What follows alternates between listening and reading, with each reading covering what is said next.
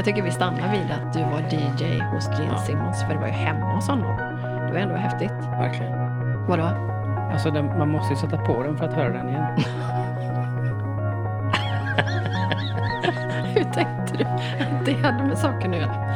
För tre och ett halvt, eller om det till och med fyra år sedan, så fick jag ett sms av min man Mackan. Vid det här tillfället så bodde min mamma i Aneby och jag var där och hälsade på. Vi satt på hennes uteplats och fikade när jag får ett pling i fickan. Och där står det, ska vi starta en podd? Eller nej, det stod, vi måste starta en podd. Sen har det där skvalpat runt genom åren och vi har tagit upp det lite nu och då, men det har liksom aldrig riktigt varit läge. Mina andra kanaler, min blogg och min Instagram, startade jag 2012 när jag var hemma med barnen, våra tre barn. Jag har alltid gillat inredning, gamla grejer.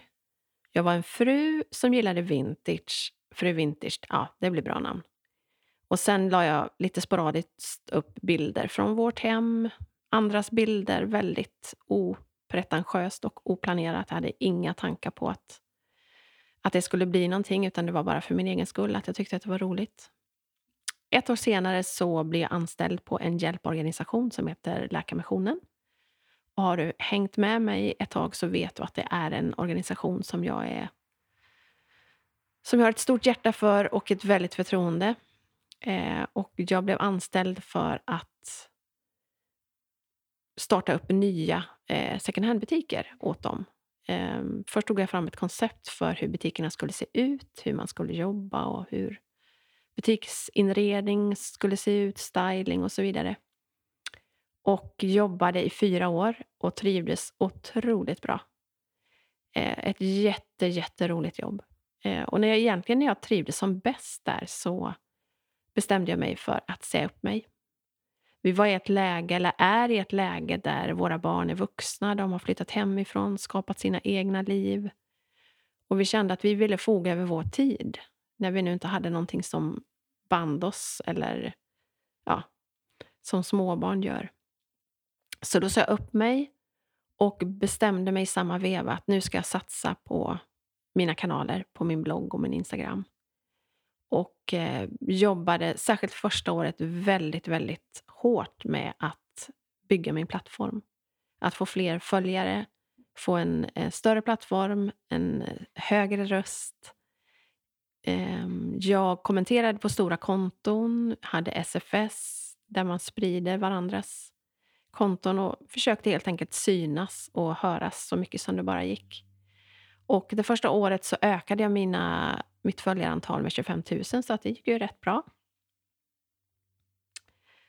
Sen för ett och ett halvt år sedan så blev eh, vår son Noah och jag, Noah är fotograf, medbjuden av Läkarmissionen på en resa till Etiopien. Jag skrev, eh, bloggade om den resan eh, i akt och mening att få in fler månadsgivare till Läkarmissionen. Noah tog fantastiska bilder. Och efter det så har jag åkt runt en del och haft föredrag och event där jag har berättat om den här resan. Visat Noas fantastiska bilder och delat de här människorna, människoödena som vi mötte under de här dagarna. Och jag hade flera sådana event inbokade nu under våren och sommaren och hösten. Men eh, vi vet ju alla att vi, så kom den här pandemieländet. Allt sattes på paus eller flyttades fram, som i mitt fall.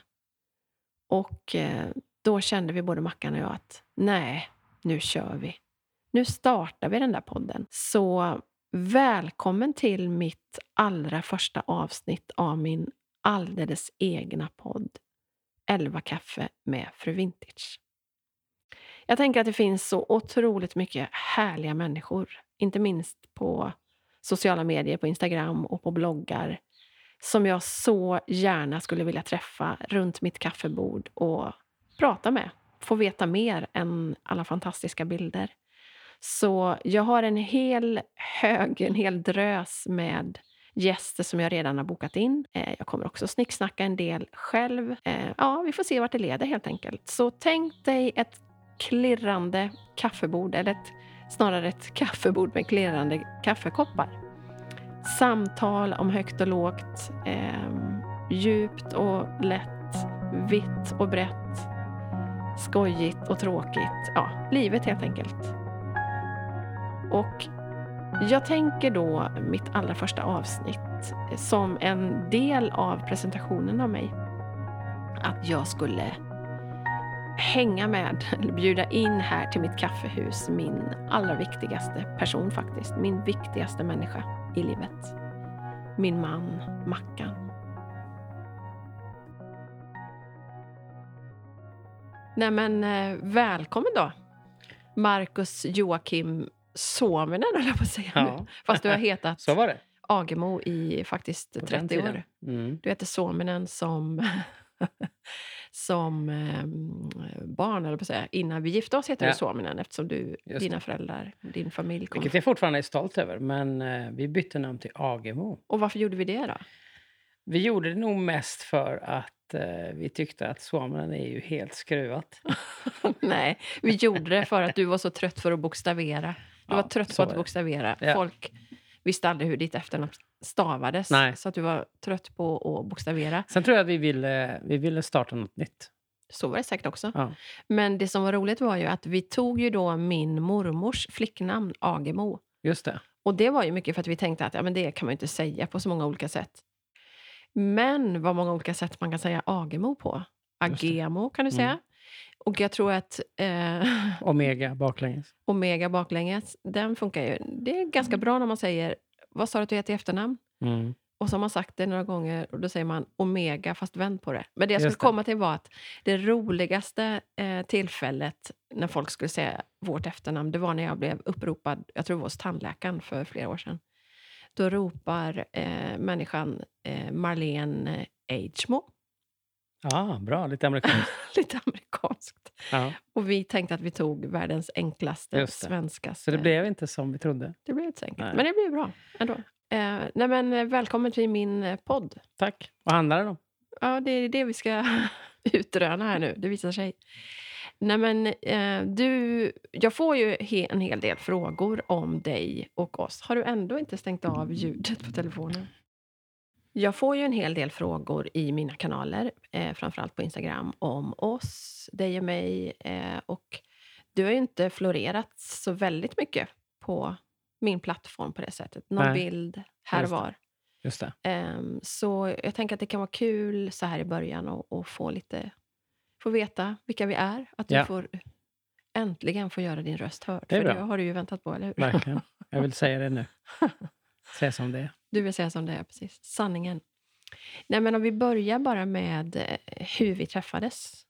Vi träffades ju när eh, jag var trummis i din mammas barnkör. Just det. Ja, precis. hon spelade eh, piano och jag spelade trummor. Just det. Och jag sjöng. Och du sjöng. Och då hade du ju långt, lockigt svart hår och slitna ljusa jeans. Och du var ju liksom coolaste, snyggaste Ja. killen. Det var jag. Och du var den snyggaste tjejen. Helt klart. Och ehm, då ringde ju faktiskt din kompis Mattias och frågade chans på mig. Så var det. Så var det. Man vågade inte ringa själv på den tiden. Nej, precis. Och fråga chans vet jag inte ens om man gör. Det här utspelade sig ju på 1700-talet. När man gjorde sådana saker. Jag vet inte hur man bär sig åt idag. Kidsen när de Mässar kanske. mässar såklart. TikTok. Ja. Men i alla fall den här gången, då var det ju så att Mattias ringde ju hem. För det här var ju före mobilens tid. Då hade man ju, eller vi, fasta telefoner. Man visste ju inte om, man, eh, om det var någon som svarade. Nej. Och Eller man, vem som svarade. Nej, framförallt det. Man riskerade ju ändå att en mamma eller pappa eller ett syskon svarade när man ringde. Så och ehm, den här gången så... Då ringde man ju inte heller klockan 11 på förmiddagen. Utan man ringde ju alltid när man visste att folk var hemma. ja, just det. Ja, precis. På kvällen. Mm.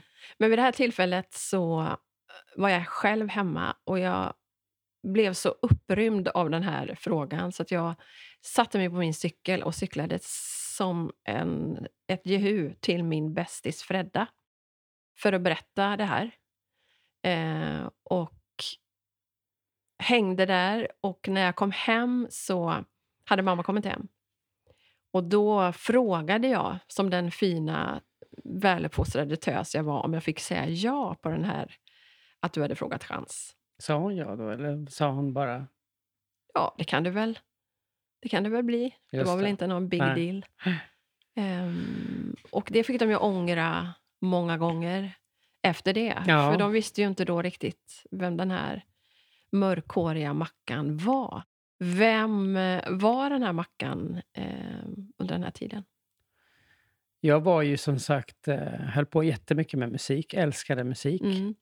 Spelade trummor, hade gjort det sedan jag var sju, åtta år. Mm. Eh, lyssnade jättemycket på alla mina bröders eh, vinylplattor. Lyssnade jättemycket på musik. Eh, och eh, hade ju också en, en problematik i hemmet som var att min pappa, han, han drack mycket. Mm. Han var alkoholist. Så eh, jag flydde mycket in i musik och in i att vara i, i det stadiet, så att säga. Du var ju inte jättemycket i skolan. Nej. Om man, eh, Så jag, jag, jag var några lektioner och sen så, så gick jag till vår replokal och så satt jag och spelade trummor och senare gitarr. Då. och ma, nu i efterhand eh, förstår jag ju mina stackars föräldrar att de fick panik när de förstod vad det var för en stolle som deras dotter hängde med. Ja, Och verkligen. jag tänker bland annat på, det måste vi berätta om, det som du gjorde på skolan. Bland annat att du hoppade på rektorns bil. Varför Ja. gjorde du det? Ja, men det var ju eh, så att jag behövde eh, uppmärksamhet, för jag fick ju egentligen ingen uppmärksamhet hemma. Och alla barn behöver ju uppmärksamhet. De behöver ju någon som säger till dem att det här har du gjort bra, här, vad har du för läxa idag och så vidare. Jag hade inget sånt överhuvudtaget. Så jag krävde ju uppmärksamhet på annat sätt som, som man bara gör. Och det gjorde att jag, eh, jag gjorde allt för att alla skulle se mig. Och då gjorde jag spektakulära saker. Som Du man- blev en så kallad värsting som man sa Ja, då. men jag slog vad med allt och alla. Mm. Då kunde jag ju säga att vem liksom slår in handen i den här väggen och gör sönder den. Och så gjorde jag det. För det var ingen annan som vågade såklart. Eh, och så bröt jag handen, handleden. Eller så drack jag ur toaletten. Ingen vågade dricka i en toalett. Jag drack ur en toalett. Ehm, och då var det en gång när vi stod vid busshållplatsen så hade eh, våran rektor Zetterberg, som han hette, köpt en splirrans ny Ford. Och detta här det var ju på H-stenskolan i Varberg, ska vi Precis, tillägga. det här var precis i början av eh, 85, när vi hade börjat nian. 9G i Håsten, Håstenskolan. Och då sa jag till grabbarna som stod där, alla som stod vid busshållplatsen, att vem vågar hoppa upp på hans eh, huv? Och det gjorde jag. Såklart. Med mina boots. Och det blev ju repor, men då kom han och såg det. Så jag blev ju, det blev ju en stor grej. Och det, men samtidigt var det min räddning. Eh, därför att han var eh, väldigt, väldigt bra, Zetterberg. Han eh, sa till mig så här att från och med nu ska du sitta hos mig varje fredag morgon och berätta hur veckan har gått. Och det räddade faktiskt min, min sista skoltid. Mm. Visste man då om din eh, hemsituation? Nej, ingenting. Nej. Men om vi spolar fram eh, några år så... ehm, eller vi skulle faktiskt kunna berätta, för att mamma och pappa då försökte ju stoppa eh, all form av kontakt. Så vi Såklart. sågs ju under ganska lång tid i hemlighet utan att de visste om det. Och då minns jag en natt när du åkte, tog dig på något sätt med moppe antar jag, för du var, kan Vi ha var ju varit- 16. Ja, 16 år. 16 år 86. var vi båda två. Ja, precis. Eh, och stod och kastade sten på mitt eh, sovrumsfönster. Så du bodde ju liksom på övervåningen eh, i ett av det, det det vänstra fönstret. Ah. Och nedanför så hade ju ni som en liten altan med ett stort fönster och en altandörr, Ja, helt precis. glasad. Ja. Och där stod jag och kastade fönster och väntade på att du skulle vakna. Men då Du kastade inte fönster, men du kastade sten. kastade sten. och så stod din mamma där med armarna i kors och såg otroligt farlig ut. Så du la benen på ryggen och drog. Verkligen, jag helt trodde det var liksom en spöke som stod. I juni 1990 så gifte vi oss i Veddige kyrka. Mm. Och sen fyllde vi 20 på hösten där. Vi fick vårt första barn, Ellen, två år senare, 92. Och sen kom... Noah, han kom 93. Mm, Sen gick det några år, så kom Nelly 97, 97. precis. Ehm, Eller Noah Nelly. och jag tänker att vi får väl kanske anledning, eller jag får anledning att återkomma till dem framöver i avsnitt. Verkligen. Nej, men det som är kul också, som många kanske inte vet, är ju att musik... Du var ju musiker då, på Mm. den tiden. Blev en ganska framgångsrik musiker där under några år. Ja, lite så. Lite med svenska mått, måste man ju Ja. säga ändå. Vi eh, hade ett litet band som hette Tommy Smiles Poporkester. Mm. Där vi var fyra killar som eh, åkte land och rik runt och eh, spelade popmusik. Spelades jättemycket i P3. Ja, vi, ni låg ju på som, var det Sommartoppen eller Mm. Svensktoppen? Nå, no, sommartoppen. Sommartoppen eller heter det nog då. Den sommaren då, när ni låg på Sommartoppen och faktiskt var lite småkända ändå i Sverige, måste man ju säga. Ja, lite grann. Lite. Absolut. Vi spelade mycket på TV4 morgonprogrammet. Ja, precis. Där var ni några gånger. Då gjorde vi ju en väldigt rolig sommarturné. Vi åkte runt i en gammal gul postbuss som vi också bodde i. Så det fanns ju eh, sängar. Just det. Så vi var ju Precis. med familjerna. Alla barnen var ju med. Ja, Det var väldigt kul. det var jätteroligt. Och då är vi ju på sommaren 93. För jag vet att Ellen var knappt ett år. Just det. Och du var gravid i så fall. Ja, då väntade jag Noah. Det var väldigt roligt. Ja, det var kul. Det har ju, musiken har ju varit en stor del av ditt liv. Mm. Sen gav du även ut skivor i USA senare. Lite senare då så, så fick ju Dante ner ett, eh, ett hundrasidigt kontrakt från, från Los Angeles. Från ett litet skivbolag.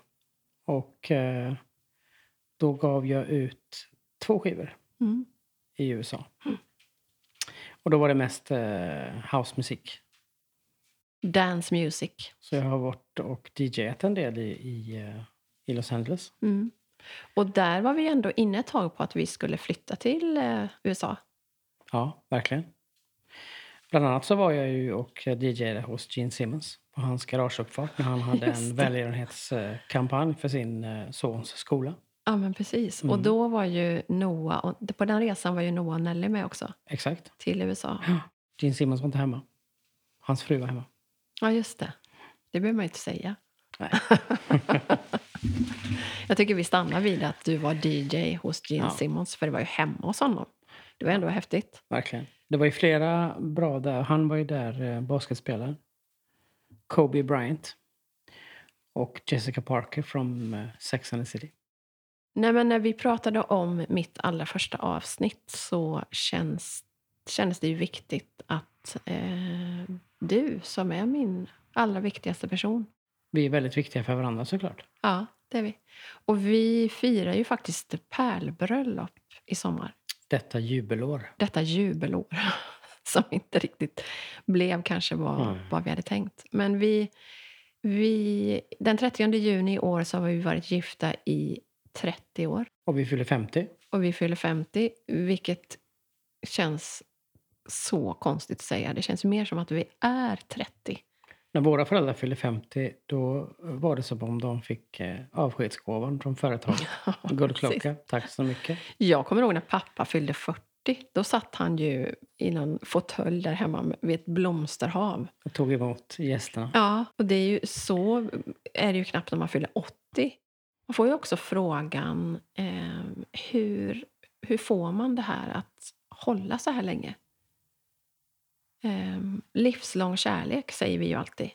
Att vi, Det är ju det som alla längtar efter. mm, Det är Verk- det som alla vill ha nyckeln till. ja, verkligen. Ingen vill ju skilja sig. Nej, Ingen vill ju att någonting som är bra ska ta slut. nej. Om det inte har hunnit bli dåligt. Men det är ju det som eh, man får försöka undvika då. Det var väldigt bra. Ingen vill att det som är bra ska ta slut. Så är det förvisso. Men då är det ju faktiskt så att det där bra, eh, om man då pratar om relationer, är ju ingenting som bara rullar av sig självt. Nej. Och där tror jag ju eller det har vi ju pratat om du och jag, att just det här som vi ändå... Vi var ju väldigt unga när vi träffades. Vi, var ju bara, vi hade inte ens fyllt 20 när vi gifte oss. Men vi var ju så otroligt kloka, kan jag tycka, redan då när vi bestämde att vi alltid skulle vara viktigast för varandra. Långt innan vi fick barnen så bestämde vi att vår relation alltid skulle komma först. Just det. Det är väldigt bra. Det är vi överens om. Nej, men det är ju som en bra låt. Vadå? Alltså, den, man måste ju sätta på den för att höra den igen. Hur tänkte du att det hade med saken att göra? Nej, men alltså, allting som är bra vill man ju inte ska ta slut. Nej. Men den tar ju slut. Annars så hör du inte den igen. Nej, sant. Och sen måste du hitta en annan låt när du är trött på den. Mm.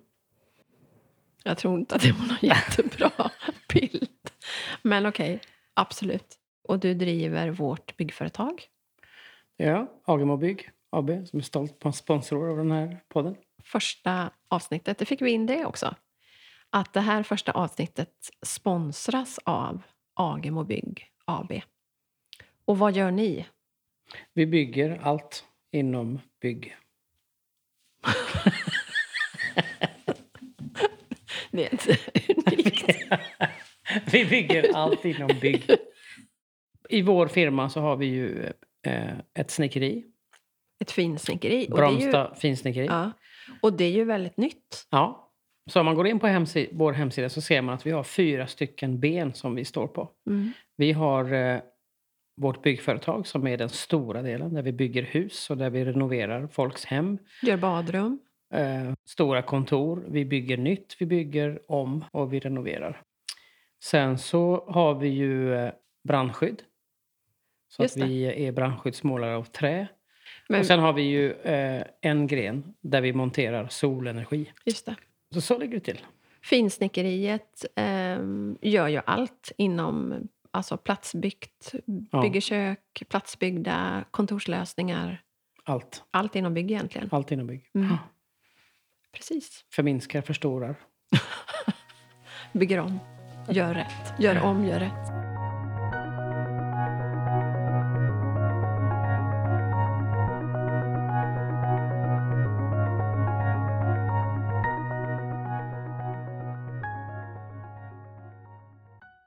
Men jag tycker också att det ändå är på sin plats att prata om vår allra viktigaste lilla person som ju har kommit in i familjen. Lilla Alessio, Mm. morfars morfars. morfars morfars. För att vår äldsta dotter Ellen och hennes man Mattias har ju gjort oss till mormor och morfar. Mm. Jättehärligt. Som är det största som har hänt. Eller bland det största som har hänt, Ja. eller hur? Verkligen. Och man skrattar ju åt de där flosklerna om livets efterrätt. Att få barnbarn, det är som att få att uppleva livets efterrätt. Men det är ju faktiskt så. Det är helt otroligt bra. Därför att efter efterrätten så är du mätt och nöjd och så går du hem. Precis. Och när efterrätten har åkt hem till sig, då är det lugnt och skönt igen. Ja, Så man njuter av efterrätten i varje hundradels sekund Ja. när efterrätten är här. Rapar och går vidare. Sen rapar man och går vidare och Så är det. har det där lyxiga livet. Så att det kan vi ju verkligen rekommendera folk. Verkligen. Att bli mormor och morfar. Eller farmor och farfar. Crème brûlée på det hela. Sist. Ehm, ja, det är ju super, super mysigt.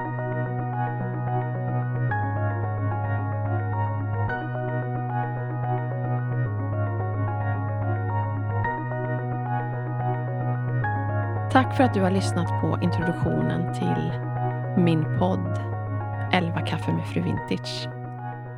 Jag tänkte avsluta med att läsa en krönika som jag skrev till Svenska Journalen, som är Läkarmissionens medlemstidning. Jag skrev den ungefär en månad innan pandemin bröt ut. Inte ett ont anande att generationer inte skulle kunna träffas på grund av smittorisken. Men jag tänker att, och drömmer om, att vi snart ska kunna ses utan distans igen.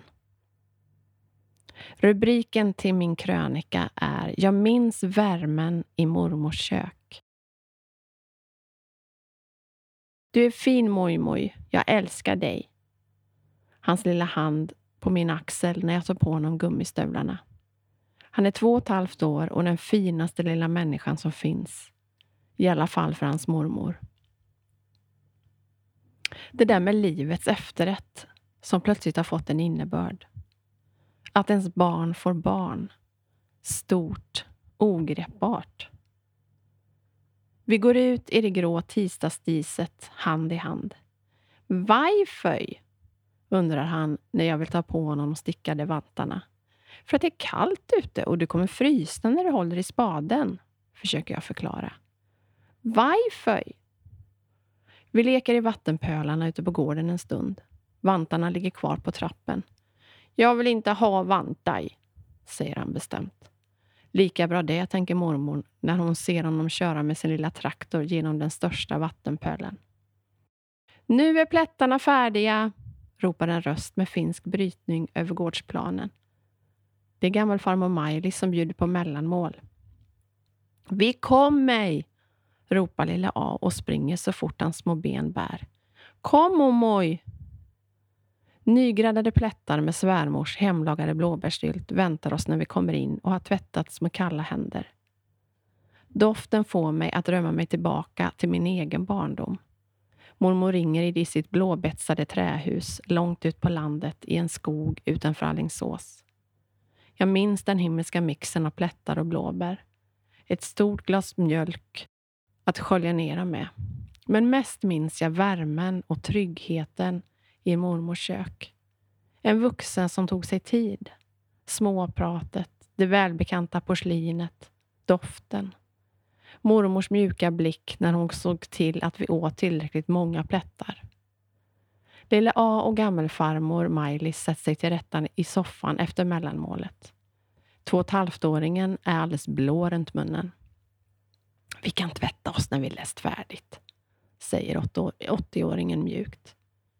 Själv sitter jag kvar vid svärmors köksbord, häller upp en, ännu en kopp kaffe och fylls av en sån tacksamhet när jag tittar på det lilla paret i soffan. Tänk att få dela vardagen med en två och ett halvt-åring och en 80-åring. Se på när de båda precis förlorat sig i Alfons Åbergs födelsedagsdrama med faste Fiffi som ordnat barnkalas. Men är det inte jobbigt att bo så nära svärmor?